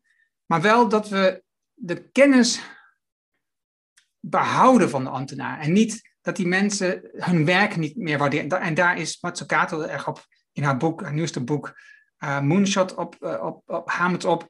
Dat mensen eigenlijk mm, ja, die waardering moeten krijgen, zodat ze ook blijven zitten en die kennis behouden in de organisatie. En, um, en dan maak ik gelijk het sprongetje. Want jij schetst ook in het boek over um, het risico wat we lopen met ZZP'ers. Nederland op dit moment loopt over van zelfstandigen, eenpitters, mensen zonder personeel die hoppen van job naar job. En je schetst de risico's daarvan. Wat zijn, wat zijn die risico's? Ja, het is wel grappig dat je dat aankaart. Want tien jaar terug had ik, of twaalf een mooie slide. En dan zag je Amerika met een hire and fire mentaliteit. Ja, je huurt mensen in en als, uh, nou ja, als je niet meer nodig hebt, dan ontsla je ze. En zei ik altijd, het gevaar is dat die mensen gewoon voor zichzelf werken. In de zin van dat ze jou ook als een, uh, iemand, een, een, tijdelijk iets zien. Ze leren heel veel van jou, nemen die kennis mee en zijn weg. En dragen weinig kennis over. Zeker als het overdragen is er niemand om die kennis op te nemen in het systeem. Hè, de van case en collectiviteit, waar we het eerder over hebben gehad. Nou, het grappige is dat dus Nederland. En dat, het aardige is, je kan dus in Amerika zien dat leidt tot een geweldige erodering van innovatieve kracht. En gewoon niet alleen innovatieve kracht, maar ook kennis op operationeel niveau. en, en, en, want langzaam maar zeker heb je die, worden organisaties een soort romporganisatie die her en der kennis inhuren. Maar dat wordt nooit kennis van de organisatie. Dus houd het op. Hè? Ik bedoel, je innovatieve kracht verdampt daardoor. Je komt tot stilstand. Toen hij het was een groot probleem ervaren in Amerika. En het grappige, of het is helemaal niet grappig, maar wat je dus ziet gebeuren in de periode na, is dat Nederland dezelfde kant op gaat. Dus die kennis zit bij ZZP'ers. Ja, en die ZZP'ers willen best delen. Ik bedoel, als het gewoon zo uitkomt, als ze voor worden betaald. Uh, maar als ze in een organisatie werken, ja, dan worden ze voor een klus ingehuurd en proberen ze daar zelf veel beter van te worden. Dus niet financieel natuurlijk, maar ook gewoon te leren, want dan willen ze, zijn ze beter geëquipeerd voor de volgende klus. En dat is een, systeem wat. Maar weet ik overigens niet of dat nou veel in het bedrijfsleven voorkomt. In kennisintensieve bedrijven, waar dit voor bedrijven een risico is. Maar het maakt wel dat gewoon over het algemeen, dus het kennisniveau van organisaties daalt. Uh, en kennismanagement een probleem gaat worden. Je ziet heel sterk bij de overheid. Die hebben twee dingen gedaan. Er zijn de inhoudelijke mensen zijn procesmanagers geworden. Dus je hoeft niks meer van de inhoud te kennen. Alleen van proces. En de inhoudelijke mensen zijn opgestapt zo'n beetje. Dus die, dat huur extern in. Ja, dan krijg je een beetje wat dus gebeurd is met, uh, ik heb daar wat kritische artikelen over geschreven, met uh, natuurlijk heel het COVID-verhaal. En hetzelfde geldt een beetje voor GGT. Ik bedoel, er worden gewoon dingen gedaan waarvan je denkt van ja, nou dan weet ik niet inhoud precies waar het over gaat, maar dat had toch echt wel anders gekund. en dat is dus het grote gevaar, dat je die kennis ja, bij je ZZP'ers zit. Uh, dat, en die ZZP'ers, maar goed, er zitten allerlei andere sociaal-economische problemen aan, rondomweg dat je geen huis kunt kopen omdat je, nou, noem op ZZP'er bent. Maar als je dus naar Amerika kijkt, heeft dat dus gewoon geleid tot, maar dat speelt al jarenlang natuurlijk, tot een geweldige erodering van de kennis in bedrijven. En dus een langdurige, een, een, overigens hebben wij wel wat onderzoeken gedaan onder de Nederlandse, industrie.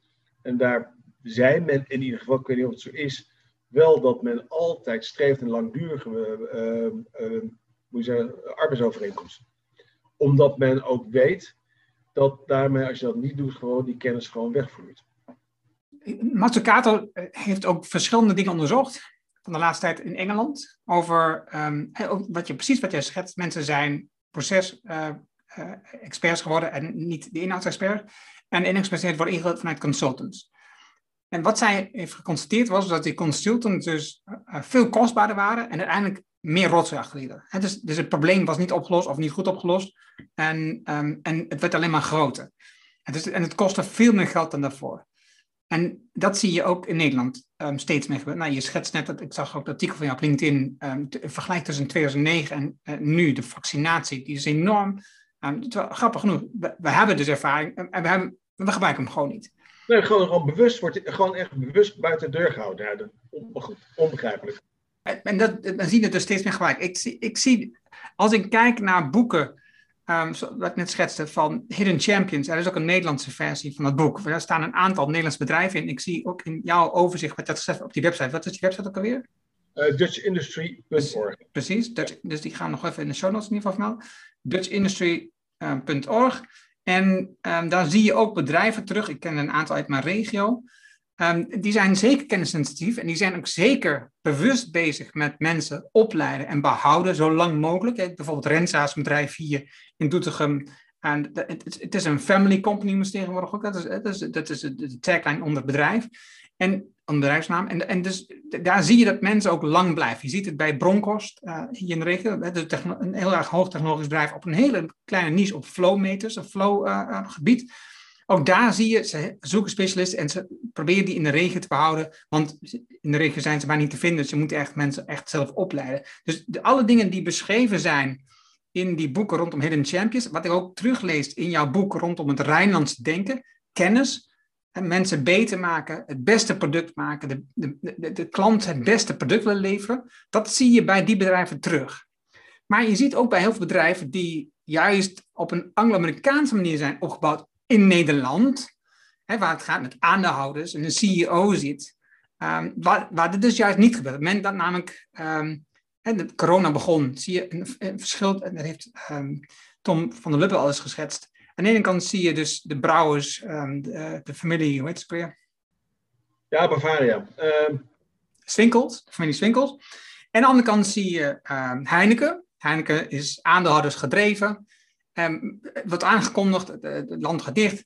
En Swinkel zegt, we gaan ons mensen behouden, import, hè? Zegt, we gaan ons mensen behouden, dat gaan we gewoon goed organiseren. En Heineken zegt, we gaan de eerste mensen ontslaan, we weten niet wat de onzekerheid, we weten niet wat gaat gebeuren. Nou, dat, die tegenstelling, die beschrijven jullie uitstekend in jullie boek. Dus ja. vandaar mijn aanbeveling uh, over jullie boek. Ik ben super enthousiast over het Rijnlandse denken. Geen wonder dat we dat samen hebben opgepakt. Um, want ik, want ik, ben, ik ben tegen het aandeelhoudersfocus. Want voor mij schetst het aandeelhoudersfocus vooral een afstand, een vergroting tussen de meest verdienende en de minst verdienende persoon in een bedrijf. Ja. En dus, dus de on, in mijn terechte ogen de onterechte grootste vermogens die mensen kunnen opbouwen, omdat ze toevallig CEO zijn geworden, op wat voor manier dan ook. Nou, en, dat, en dat zie je ook dat gedrag nog gekopieerd wordt in Nederland. Waar mensen zeggen, hey, wij moeten als overnemen, want anders gaan, we naar, gaan die mensen naar het buitenland bullshit. Er is geen enkele verklaring voor dat mensen ooit naar buiten zullen gaan. Ze blijven liefst in Nederland. Dus alsjeblieft, hou ermee op met dat soort onzin. En het tweede ding wat me ook opvalt, en dat is een ander ding. ik, ik, merk zelf dat het aan mijn hart gaat. Ik word enthousiast en ik ga steeds sneller praten. Maar we zien ook de aandacht voor alle stakeholders die naar voren komt in het Rijnlandse model, wat jullie beschrijven. Het is, en een van die stakeholders in mijn optiek is het milieu hè, de maatschappij, het milieu, de, de mensen die het minste hebben, maar ook gewoon de natuur. Ja. En ook bij het aanhouden gedreven bedrijf zie je dus dat er gewoon steeds minder aandacht is voor het milieu, of al jaren is geweest. Dus uh, plasticbedrijven maken aan de ene kant campagne dat jij er zelf de rots moet opruimen, maar zelf blijft maar produceren, produceren en het neemt dan niet meer toe. Ja, voor your convenience ruim zelf de rotzooi op. Denk, ja, wacht even. Ja, dat is precies. Hallo, volgens mij maak jij de troep en niet wij. Ja. ja. en dus dit soort dingen, ik kan het niet uitstaan. En dus ik ben echt een superfan dat we in Nederland, en ik ben een voorvechter met jou, dat we in Nederland veel meer denken richting het Rijnlandse. En natuurlijk wat jou schetst, hè, er, zijn ook, er zijn ook dingen goed aan het Anglo-Saxisch, wat we kunnen gebruiken. Ik heb met heel veel dingen moeite, maar ik snap wat er goed aan is. En, um, en daar laat ik uh, aan jullie over. En wil kijken hoe we samen nog meer bedrijven en ook uh, in jouw wereld de zorginstellingen ja, ja, ja, precies. kunnen laten zien van oké jongens, het kan echt anders. Dit is echt niet de weg waarop het de goede kant gaat. En het is grappig genoeg, want in je boek laat je het ook zien. Het Anglo-Amerikaanse model is ook gewoon minder efficiënt. Het is, ja, dat is het. Het resultaat is slechter uiteindelijk op de lange termijn. Dus waarom doen we het? Ja, nou, het grappige is, hè, want dat is een beetje, als je kijkt naar, even naar legerorganisaties, bleek het Duits leger altijd 150 tot 250 procent efficiënter te zijn in deze moorddadige markt dan de Amerikanen of de Britten. Uh, maar het grappige is ook, als je kijkt uh, wat wij gemiddeld per uur verdienen, is dat ook nog altijd varieert tussen 150 en 250 procent meer dan de Amerikanen. Dus hun economie is erg onhandig ingericht, zullen we maar zeggen. Of de, de revenue worden ongelijk verdeeld, maar dan nog. En dat is, uh, dat, dat is wel fascinerend. Kijk, ik vind het prettig altijd dat gelukkig in Nederland 50 tot 80 van de bedrijven zijn familiebedrijven. En dat heeft het voordeel uh, dat je altijd al wel veel meer verbonden bent met, met je omgeving. Het zijn ook midden- en kleinbedrijven. Dat is ook super vaak geïncorporeerd in zo'n omgeving. Dus heel veel dingen, ja, moet je zeggen, die beetje koude wind, de gure wind die soms in die Amerikaanse bedrijven waait, dat zijn met name grote bedrijven. Maar wat leuk is inderdaad Bavaria en Heineken en Jumbo en Albert Heijn is ook erg leuk. Want Jumbo is een familiebedrijf en dat wint altijd van Albert Heijn. Daar kun je donder op zeggen. Want de, de Jumbo heeft uh, geen aandeelhouders waar ze rekening mee moeten houden. Ja, dit zijn die mensen zelf. Op een gegeven moment ben je natuurlijk zo rijk, dan maakt het ook niks meer uit. Hè? Dan kun je het over je medewerkers verdelen. Dus ook daar zul je zien dat ten alle tijden uiteindelijk Jumbo zal winnen van Albert Heijn. Althans, volgens mijn model. En wat je ook ziet gebeuren, heel sterk, uh, dat is ook de kracht van de Nederlandse, van de Europese industrie. Met name omdat natuurlijk niet alleen Nederland, maar ook België en de op heel veel familiebedrijven hebben. Als je kijkt naar strategieën. Uh, dat die industrie altijd in staat zijn product leadership in de markt te zetten. Dus nieuw product, innovatief product met hoge marge. En Anglo-Amerikaanse bedrijven altijd goed zijn in operational excellence. Gewoon het uitzetten van een, bedrug, van een product later in zijn levensfase. En ik, ik heb dat een keer ongeluk laten vallen bij Siemens. En dat werd meteen volmondig beaamd. Die zei, nee, dat is onze strategie. Wij maken prachtige nieuwe producten, hoge marge. En op een gegeven moment, nou ja, na een jaar, twee jaar, drie, vier jaar krijg je concurrentenmarkt. Nou, die gaan een beetje prijs onder druk, druk. En dan verkopen we het aan Amerika Amerikaanse bedrijven. En die zijn er heel blij mee, want het is een mooi product. Maar ja, die marge is de hele tijd heel erg laag. Dus dat moeten ze optimaal uitnutten. Dat is gewoon, denk ik van, alright. En ik denk, als je gaat kijken, zien we natuurlijk een grote club. Ik denk dus dat, heel, dat al dus heel veel gebeurt. En dat betekent dat wij gewoon, de, de, maar goed, om een product met een hoge marge te produceren, je moet product leader zijn, dan heb je wel kennis nodig. Dus die kennis is wel key dat hele verhaal. Want anders hoor je dus, ja, moet je zeggen, de operational excellence mensen. Maar vergeet even niet, Amerika kan zich dat permitteren, omdat het een groot land is met een grote interne markt. Maar in Nederland hebben we natuurlijk onze Europese markt, maar daar moet je ook mee oppassen. Nederland heeft die positie niet. Dus hè, dus massa is kassa. Dat geldt heel goed voor Amerika. Maar wij kunnen als een klein land nooit massa is kassa genereren. Daar zijn onze bedrijven al te klein voor. Dus onze bedrijven zullen altijd moeten investeren in mensen, willen ze voor aan blijven lopen. Anders wordt het gewoon ja, budgetbaasjes van Amerikaanse bedrijven. Nu, nu zie je toch ook, want je hebt het nu over die familiebedrijven, kleine bedrijven. Je ziet toch bij dat soort bedrijven, zie ik in ieder geval, um, modellen ontstaan, organisatiestructuren ontstaan die vrij Anglo-Amerikaans zijn. Dus ze hebben een structuur met uh, uh, uh, een C-level, ze hebben een structuur met um, agile werken, met Scrum. Um, wat, wat, wat, wat, bedenk jij bij die trend? Wat, doen ze het goed, doen ze het verkeerd? Wat is, wat is jouw visie daarop? Nou, ik denk dat, het, dat, die, dat die middel, laat ik zo zeggen, de midden- en kleinbedrijf, wat natuurlijk Nederlands voor een belangrijk gedeelte is, voor mij gebruik. Eerlijk gezegd denk ik niet dat ze dat nou veel gebruiken, dat soort uh, dingetjes. Want dat zijn ze voor, mij voor een gedeelte gewoon al. Dus met name vind ik bij wat grotere bedrijven, zoals verzekeraars, die gaan wel van dat soort modieuze dingen doen. Terwijl een bestuursconcept Anglo-Amerikaans is, zouden ze eigenlijk een Pruisisch-Duits concept moeten hebben. Want dat, dat waren logische onderdelen van, het, van dat soort concepten. Dat Scrum, dat je even met elkaar overlegt. Ja, de Duitsers noemden dat nog eens, dat was heel gebruikelijk. Dat je gewoon even met elkaar rond, uh, rond de motorkap van uh, de vrachtwagen stond. Hè? Uh, om te kijken, wat gaan we doen? er zijn ook heel veel foto's van, hè? van, gewoon niet Amerikaans, maar Duitsers. die gewoon eens even met elkaar staan te overleggen. Dat, vaak met high brass gewoon echt hoge officieren erbij. En agile, ja, agile word je dus met deze gedecentraliseerde verantwoordelijkheden en bevoegdheden. Kijk naar het Duitse leger, kijk naar het Rijnlandse model. dus het zijn, kijk waar de Amerikanen goed in zijn, dat moet ik ze nageven. Ze ontdekken wel vaak de zwaktes in hun systeem.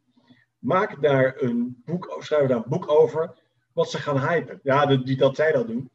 En dat ze denken, wacht even. Maar het punt is, het totaalmodel verandert niet. Dus als jij een agile cursus doet, dan betekent dat eigenlijk, ja, onze organisatie is heel erg gebureaucratiseerd. Dus we gaan nu een deel trainen om agile te worden.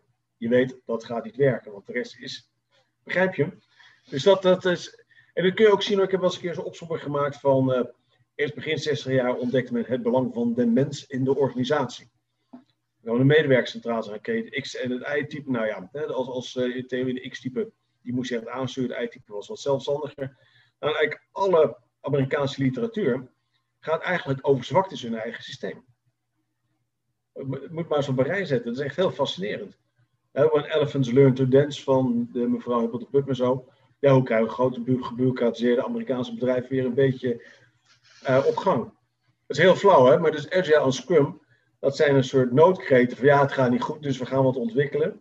Maar je verandert een bestuursconcept niet, nee, je ontwikkelt in je bestaande concept ga je een ding aanpassen. Waarvan je zeker weet, nou niet zeker weet, maar theoretisch weet je dat gaat hem niet worden. Want de rest van de organisatie is gewoon nog even sloom als altijd. Dan zou je over jou kunnen promoveren, dit is onderwerp. Ja, ik kan me het voorstellen, ja. Je zit te denken aan een voorbeeld. Ik heb bij Stork VECO in Eerbeek gezeten, VECO. Dat was toen een onderdeel van Stork. En zij deden aan um, uh, het, opbouwen van nikkel. Dus, dus zij maakten eh, kleine gaatjes in producten door, middel, uh, door het product op te bouwen, metaal op te bouwen. Onder andere scheerfolie, maar een ander belangrijk product wat ze deden was um, safe drukken. Dus, dus de rotatiedrukkers uh, met zeven die werden opgebouwd met nikkel.